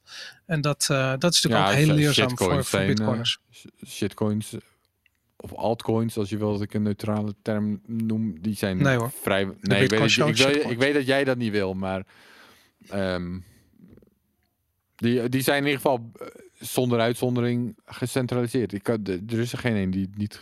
Je zou hooguit misschien Monero, maar zelfs die. Ja. Ik bedoel, ze zijn gewoon. Dit is precies wat ze niet hebben. Dus dit artikel kun je Ja. lezen. En dan snap je precies wat altcoins niet hebben. Die hebben gewoon iemand, zoals Gavin Andreessen, en die zegt: Dit gaat het worden. Zo gaan we het doen. Niet, of niet Ja. gedecentraliseerd, gewoon gecentraliseerde. Dat is precies wat alle altcoins hebben en wat Bitcoin heeft weten te ontworstelen. En wat voor, Ja. voor mij in ieder geval Bitcoin zo interessant maakt. Absoluut. Ben je klaar voor Jeffrey A. Tucker? Ja, Ja, toch? ik ben, ik ben geen fan, maar eh, ik ben benieuwd wat je erover wil zeggen. Nou, Jeffrey A. Tucker is een, eh, eh, iemand die ehm, een beetje vanuit het Mises Instituut komt. Eh, je zou zeggen iemand die de Oostenrijkse school een warm hart toedraagt. En hij heeft een artikel geschreven. Het, gaat, het heet Why Does Bitcoin Have Value? En wat interessant is, is dat Jeffrey Tucker een hardcore B-casher is geweest in ieder geval. Dat was hij heel lang. Nog steeds niet en dat, ehm, nou, dat, als ik dit artikel lees, dan denk ik dat hij dat losgelaten heeft en dat hij naar Bitcoin gegaan is. Oké. Ehm, en wat ik zo interessant vind, we hebben het vorige week hebben we het eventjes gehad over dat zo ontzettend veel Oostenrijkse, of tenminste economen die de Oostenrijkse filosofie aanhangen, worstelen met Hayek zijn, eh, zijn, in, zijn interpretatie, zullen we maar zeggen, van de, de regressietheorie. De, de regressietheorie van. Mises. Oh, Ja, Mises heeft hem bedacht, maar Hayek heeft hem geïnterpreteerd. En dat is waar dat, ehm, ehm, waar dat, dat eh, eh, eigenlijk die, het probleem vandaan komt. oké. En dat is namelijk dat Hayek het heel, eh, eh, ehm, hoe zal ik het zeggen, heel klinisch heeft gehouden. En, gezegd, en letterlijk gezegd heeft van ja, die waarde moet voortkomen uit utility. Dus de waarde Heeft van Hayek geld dat is altijd. Dat heeft Hayek volgens mij niet gezegd hoor. Nou, oké, goed. Ga- ik- maar- laten we het daar niet over houden. Dat, Precies, eens. Anyways, het gaat erom dat, dat de waarde van een currency uiteindelijk te herleiden is tot de utility van de onderliggende asset class. Dat is het idee. En dat betekent dat is dus de regressie. Je kijkt terug naar de tijd van waar komt die waarde dan vandaan. Nou, als je dan naar Bitcoin kijkt, dan eh, zou je geneigd zijn te zeggen van de waarde van Bitcoin moet voortkomen uit het feit dat je heel makkelijk, weet ik veel, goedkoop en snel transacties kunt doen. En dat is waarom al die gasten echt met open ogen in de Bcash val getrapt zijn. Omdat dat draait natuurlijk om die soort van snelle, goedkope transacties met hun grote blokken. En eh, wat Jeffrey Tucker nu zegt, dat is echt heel interessant. Die zegt van nou, die en vorige week hebben wij het erover gehad dat die regressietheorie eigenlijk een beetje ontkracht wordt door Bitcoin. Omdat er dus niet echt zo'n, zo'n, zo'n, zo'n als je naar, de, naar het verleden kijkt, zo'n, zo'n, zo'n onderliggende utility eh, is voor weet ik veel, voor, voor, voor, voor, voor, voor wat er in Bitcoin zit. En ehm, hij kon nu met het verhaal van ja, je moet eigenlijk naar Bitcoin kijken als eh, goed, je moet het protocol en de currency uit elkaar trekken. Nou, daar zijn we mee bekend. Hoofdletter B is voor het protocol, de kleine b is voor de currency. En ehm, hij zegt van ja, de, eh, de- het feit dat we die ledger hebben, het feit dat we een, een soort van wereldwijd open, vrij toegankelijk, transparante ledger hebben, dat is de onderliggende waarde. En die currency die er bovenop ligt, die ontleent zijn waarde aan die ledger. En ik vond het zo'n inkoppertje dat hij het zo beschrijft. Zo iets wat je al honderd keer bedacht hebt, maar je nooit gerealiseerd hebt dat dat blijkbaar het argument is wat dit soort gasten nodig hebben. eh, dat ik eigenlijk best wel onder de indruk was daarvan. Met dank aan, eh, aan Henk, onze vaste luisteraar, die dit eventjes dropte in onze groep. Oh, nou, ik ben het er totaal mee oneens. Oh, vertel me. Maar ik kan me dit soort eh, argumenten ook nog wel herinneren. Want die, zijn, die gaan ook al een tijdje terug. Ook vanuit hem, denk Tuurlijk. ik wel. Maar nee, dat, dit Mhm. is helemaal niet hoe ik het zie. Ik, ik heb vorige week uitgelegd hoe ik het zie. Ik denk dat de regression theorem, die, is op zijn kop, die moet je op zijn kop zien. Dus het idee, kijk, geld heeft in principe sowieso geen waarde. Geld is een abstractie van waarde. En daarom, is dus, da- daarom was het in strijd met wat Austrians zeiden. Austrians zeiden, alles, waarde is subjectief. iets is waard wat het voor jou waard is. Een appel is waard dat je het kan eten en hoe lekker je dat vindt. En mensen zullen daar verschillende waarden aan geven. Als je in de woestijn bent, dan is een glas water veel meer waard voor jou dan als je in, eh, in Amsterdam Noord eh, in de, in de Blammo studio zit met een, eh, met een kan de, dus waarde is altijd subjectief. En geld, dan is het dus eigenlijk heel gek dat er zoiets als geld bestaat. Dus waarde is subjectief en mensen ruilen dan iets als ze vinden dat hetgene wat ze ervoor terugkrijgen meer waard is dan wat ze ervoor geven. Dan is geld eigenlijk iets heel geks, want geld kan je niet eten, je kan er helemaal niks mee. Het is totaal bij, per definitie waardeloos. Dus, daar, dus, dus dat is een probleem waar Austrians mee werden geconfronteerd. En zijn Mises dus, nee, dat is dus, je kan dat dus uitleggen door dat ge- geld is een abstractie van. En wat geld waard is, is wat je ervoor kan kopen. Dus niemand geeft waarde aan het geld zelf. Waarde van het geld is het idee wat je ermee kan kopen. Oké, maar hoe weet je wat je ermee kan kopen? Hoe weet je wat je kan kopen met 10 euro? Dat weet je doordat je weet wat je daar gisteren mee kon kopen. Gisteren kon je bepaald iets met die 10 euro kopen. En daardoor ben je bereid het vandaag te accepteren. Oké, maar hoe wist je dan gisteren hoeveel je er voor die 10 euro? Nou, dan ga je nog een stap verder. Wat kon je er eergisteren voor? Nou, dat weet je ook. En eh, die, die stap kan je dus door blijven trekken. En dan uiteindelijk, volgens de regression theorem, kom je dan dus uit bij het begin dat het een asset was. En dat je daardoor eh, dat je een appel kon ruilen voor een glas water. Of wa- wat je dan aan het ruilen. Dat is de regression theorem. Dus dat de waarde van geld komt van wat het voorheen waard was. Ik zeg nee, dat klopt. Dat kan je dus. Dat, je kunt dat dus op zijn kop keren. Je kunt dus zeggen: Oké, wat, is mijn wat is mijn geld waard? Inderdaad, het is waard wat ik ervan kan kopen. Hoe weet ik wat ik ervan kan kopen? Je kan naar gisteren kijken, maar je kunt dus ook redeneren naar de toekomst. Van wat zal het in de toekomst waard zijn? Dus dat heeft Helvini bijvoorbeeld gedaan als eerst. Toen Bitcoin gereleased werd, als eerste reactie op de, de e-mail van Satoshi dat de, dat de code beschikbaar was, zei hij: Oké, er zijn er maar 21 miljoen. Als je kijkt naar hoeveel waarde er in de wereld is, en dan, dan dus die 21 miljoen gedeeld door hoeveel. Dus stel dat het universeel als geld wordt geadopteerd. Hoeveel kan je er dan van kopen? Nou, hij gebruikte de dollars toen als unit of, of account. En toen zei hij dat schatting, nou, dan zou één bitcoin 100 miljoen waard moeten zijn. Vervolgens kun je dus kijken, oké, als het in de toekomst eventueel 100 miljoen waard is, hoe groot is de kans dat dat inderdaad gaat gebeuren? Hoe groot is de kans dat bitcoin in de toekomst inderdaad 100 miljoen dollar waard gaat zijn? Als je zegt, oké, die kans is 1%, dan zou je dus eigenlijk vandaag die, die kansberekening moeten maken van oké, 1%, dan zou dus vandaag 1 miljoen waard moeten zijn. Je kunt er nog wat time preference afhalen en je kan nog een beetje mee spelen met dat idee, maar dat is in principe de berekening. Oké, dat was een hele botte berekening die Helvini als eerst maakte. Als je dan iets complexer wil maken, dan zou ik dus zeggen, zoals die voorspellingen van Vijay vorige week. Dus oké, één mogelijke mogelijkheid is dat het uiteindelijk nul waard is. Eén mogelijkheid is dat het uiteindelijk een soort van tech-nerd geld is en dat het tussen de 10.000 en 100.000 waard is. Eén mogelijkheid is dat het eh, nieuwe goud wordt en dan wordt het tussen 100.000 en een miljoen of zo. Ik weet niet meer precies de bedragen.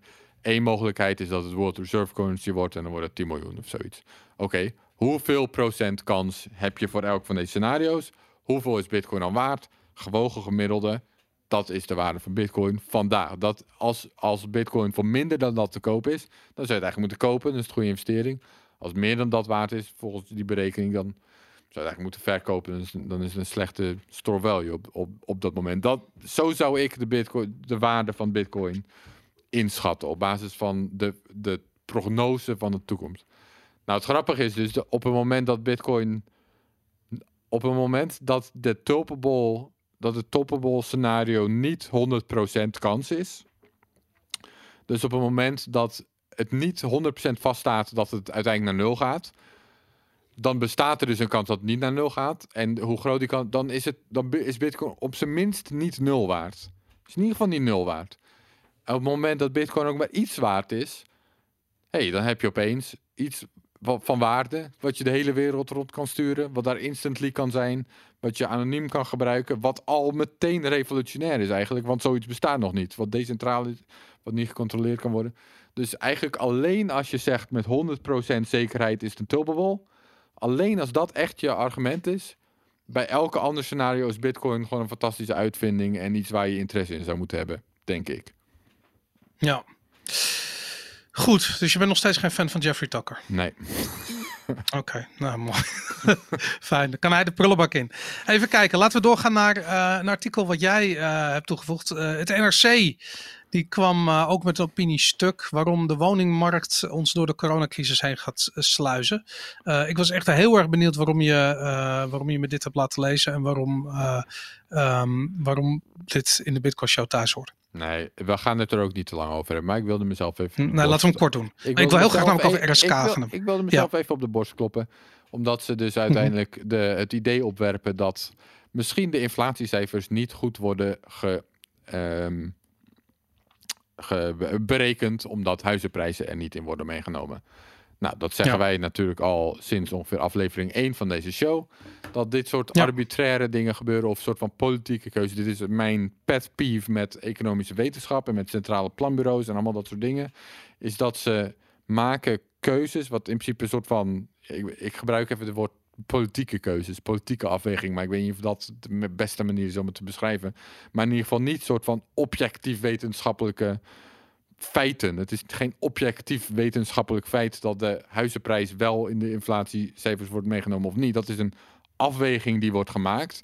En vervolgens gaan ben je een science denier? Je bent een science denier volgens mij hier ja, aan het zijn Aaron. Ja, nou in ieder geval economische wetenschap en, en sowieso veel sociale wetenschap. Maar dat is daarin verschillen we, Boris. Voor mij is, ligt daar exacte wetenschap over het algemeen doen behoorlijk goed, vind ik.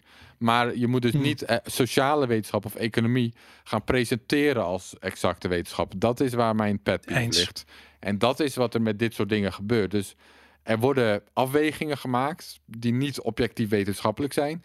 En volgens worden op basis van die afwegingen worden heel erg objectief wetenschappelijke berekeningen gemaakt. En omdat het er allemaal zo objectief wetenschappelijk uitziet, wordt het gepresenteerd. En dan wordt het, wordt het doorberekend. Dan gaan ze de, uh, programma's van politieke partijen doorberekenen. En het komt in de krant als feit. En de centrale bank die past hun beleid aan. Want het is allemaal objectief wetenschappelijk. Maar nee, er liggen eh, afwegingen, politieke afwegingen aan ten grondslag. Waardoor dit uh, niet bruikbaar is, denk ik. En zelfs riskant en gevaarlijk kan zijn om dit zo toe te passen. De CPI, de... CPI heb je over, de consumentenprijsindex, de officiële maatstaf voor inflatie. Dat soort dingen. Daar, weet je, daar wordt centrale bankbeleid op, uh, op gestuurd, onder andere.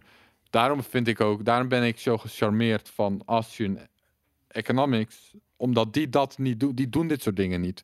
Die houden het veel afstandelijker of abstracter. Die hebben veel abstracter idee van wat inflatie is of wanneer er inflatie toetreedt. Die zeggen, nou, als je meer geld bijdrukt, dan komt er inflatie, all else equal. Weet je wel, het is veel abstract idee. En daarmee is het misschien ook wel minder bruikbaar. Dus je kunt dan inderdaad niet centrale bankbeleid daarop gaan toepassen.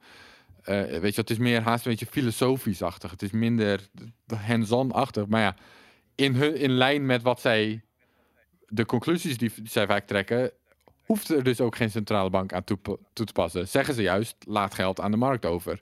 Dus het is ja. minder bruikbaar, maar alleen op basis van een soort van meer filosofische manier om erover na te denken, kun je al tot veel zinnigere conclusies komen. En beleid door geen beleid te voeren, bijvoorbeeld, dat soort dingen. Ah, fijn, ik wil het gewoon even snel noemen om. Uh, ja, dat, dat is alles Dan even één korte vraag erover. Wat vind jij een betere inflatiemetric dan de CPI? De huizenmarkt of de bitcoinprijs?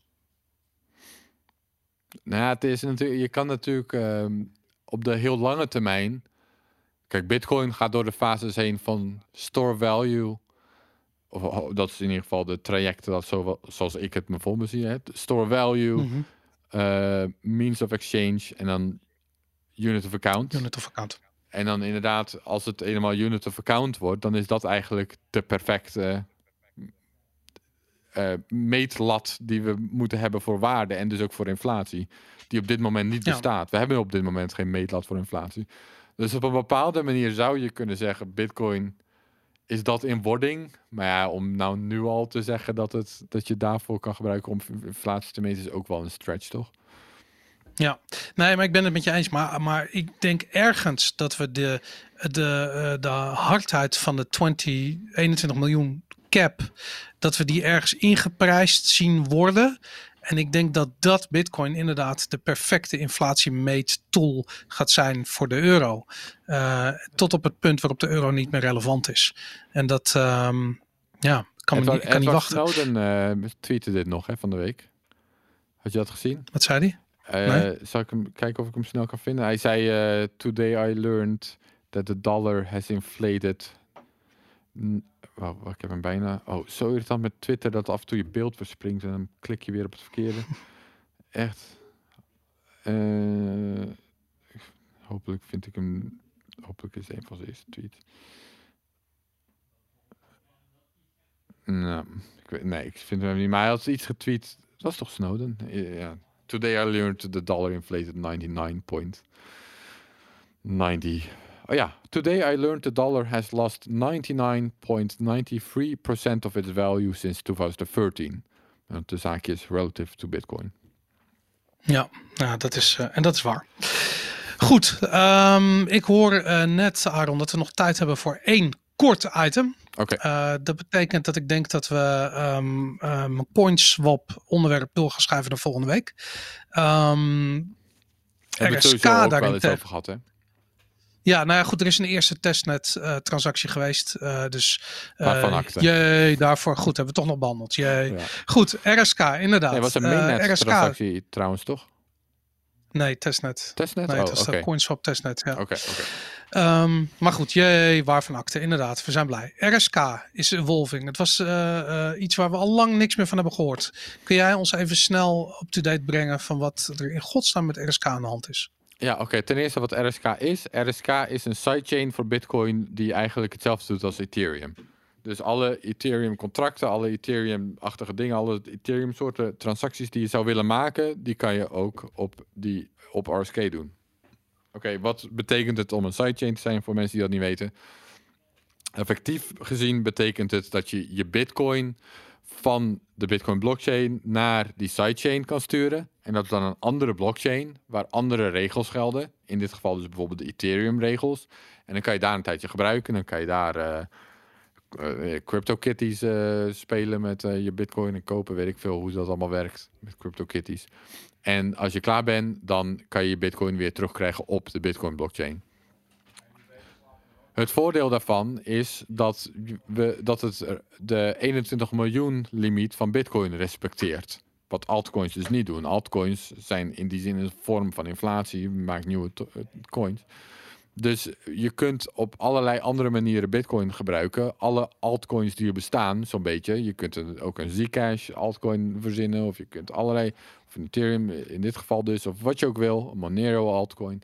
En dan allemaal dat het gewoon Bitcoin is in feite. Dus dat je Bitcoin op andere manieren gaat gebruiken. Het nadeel hiervan van altcoins is dat je niet uh, je token kan pumpen en uh, kunt dumpen op losers die denken dat ze snel rijk worden als ze investeren in tokens.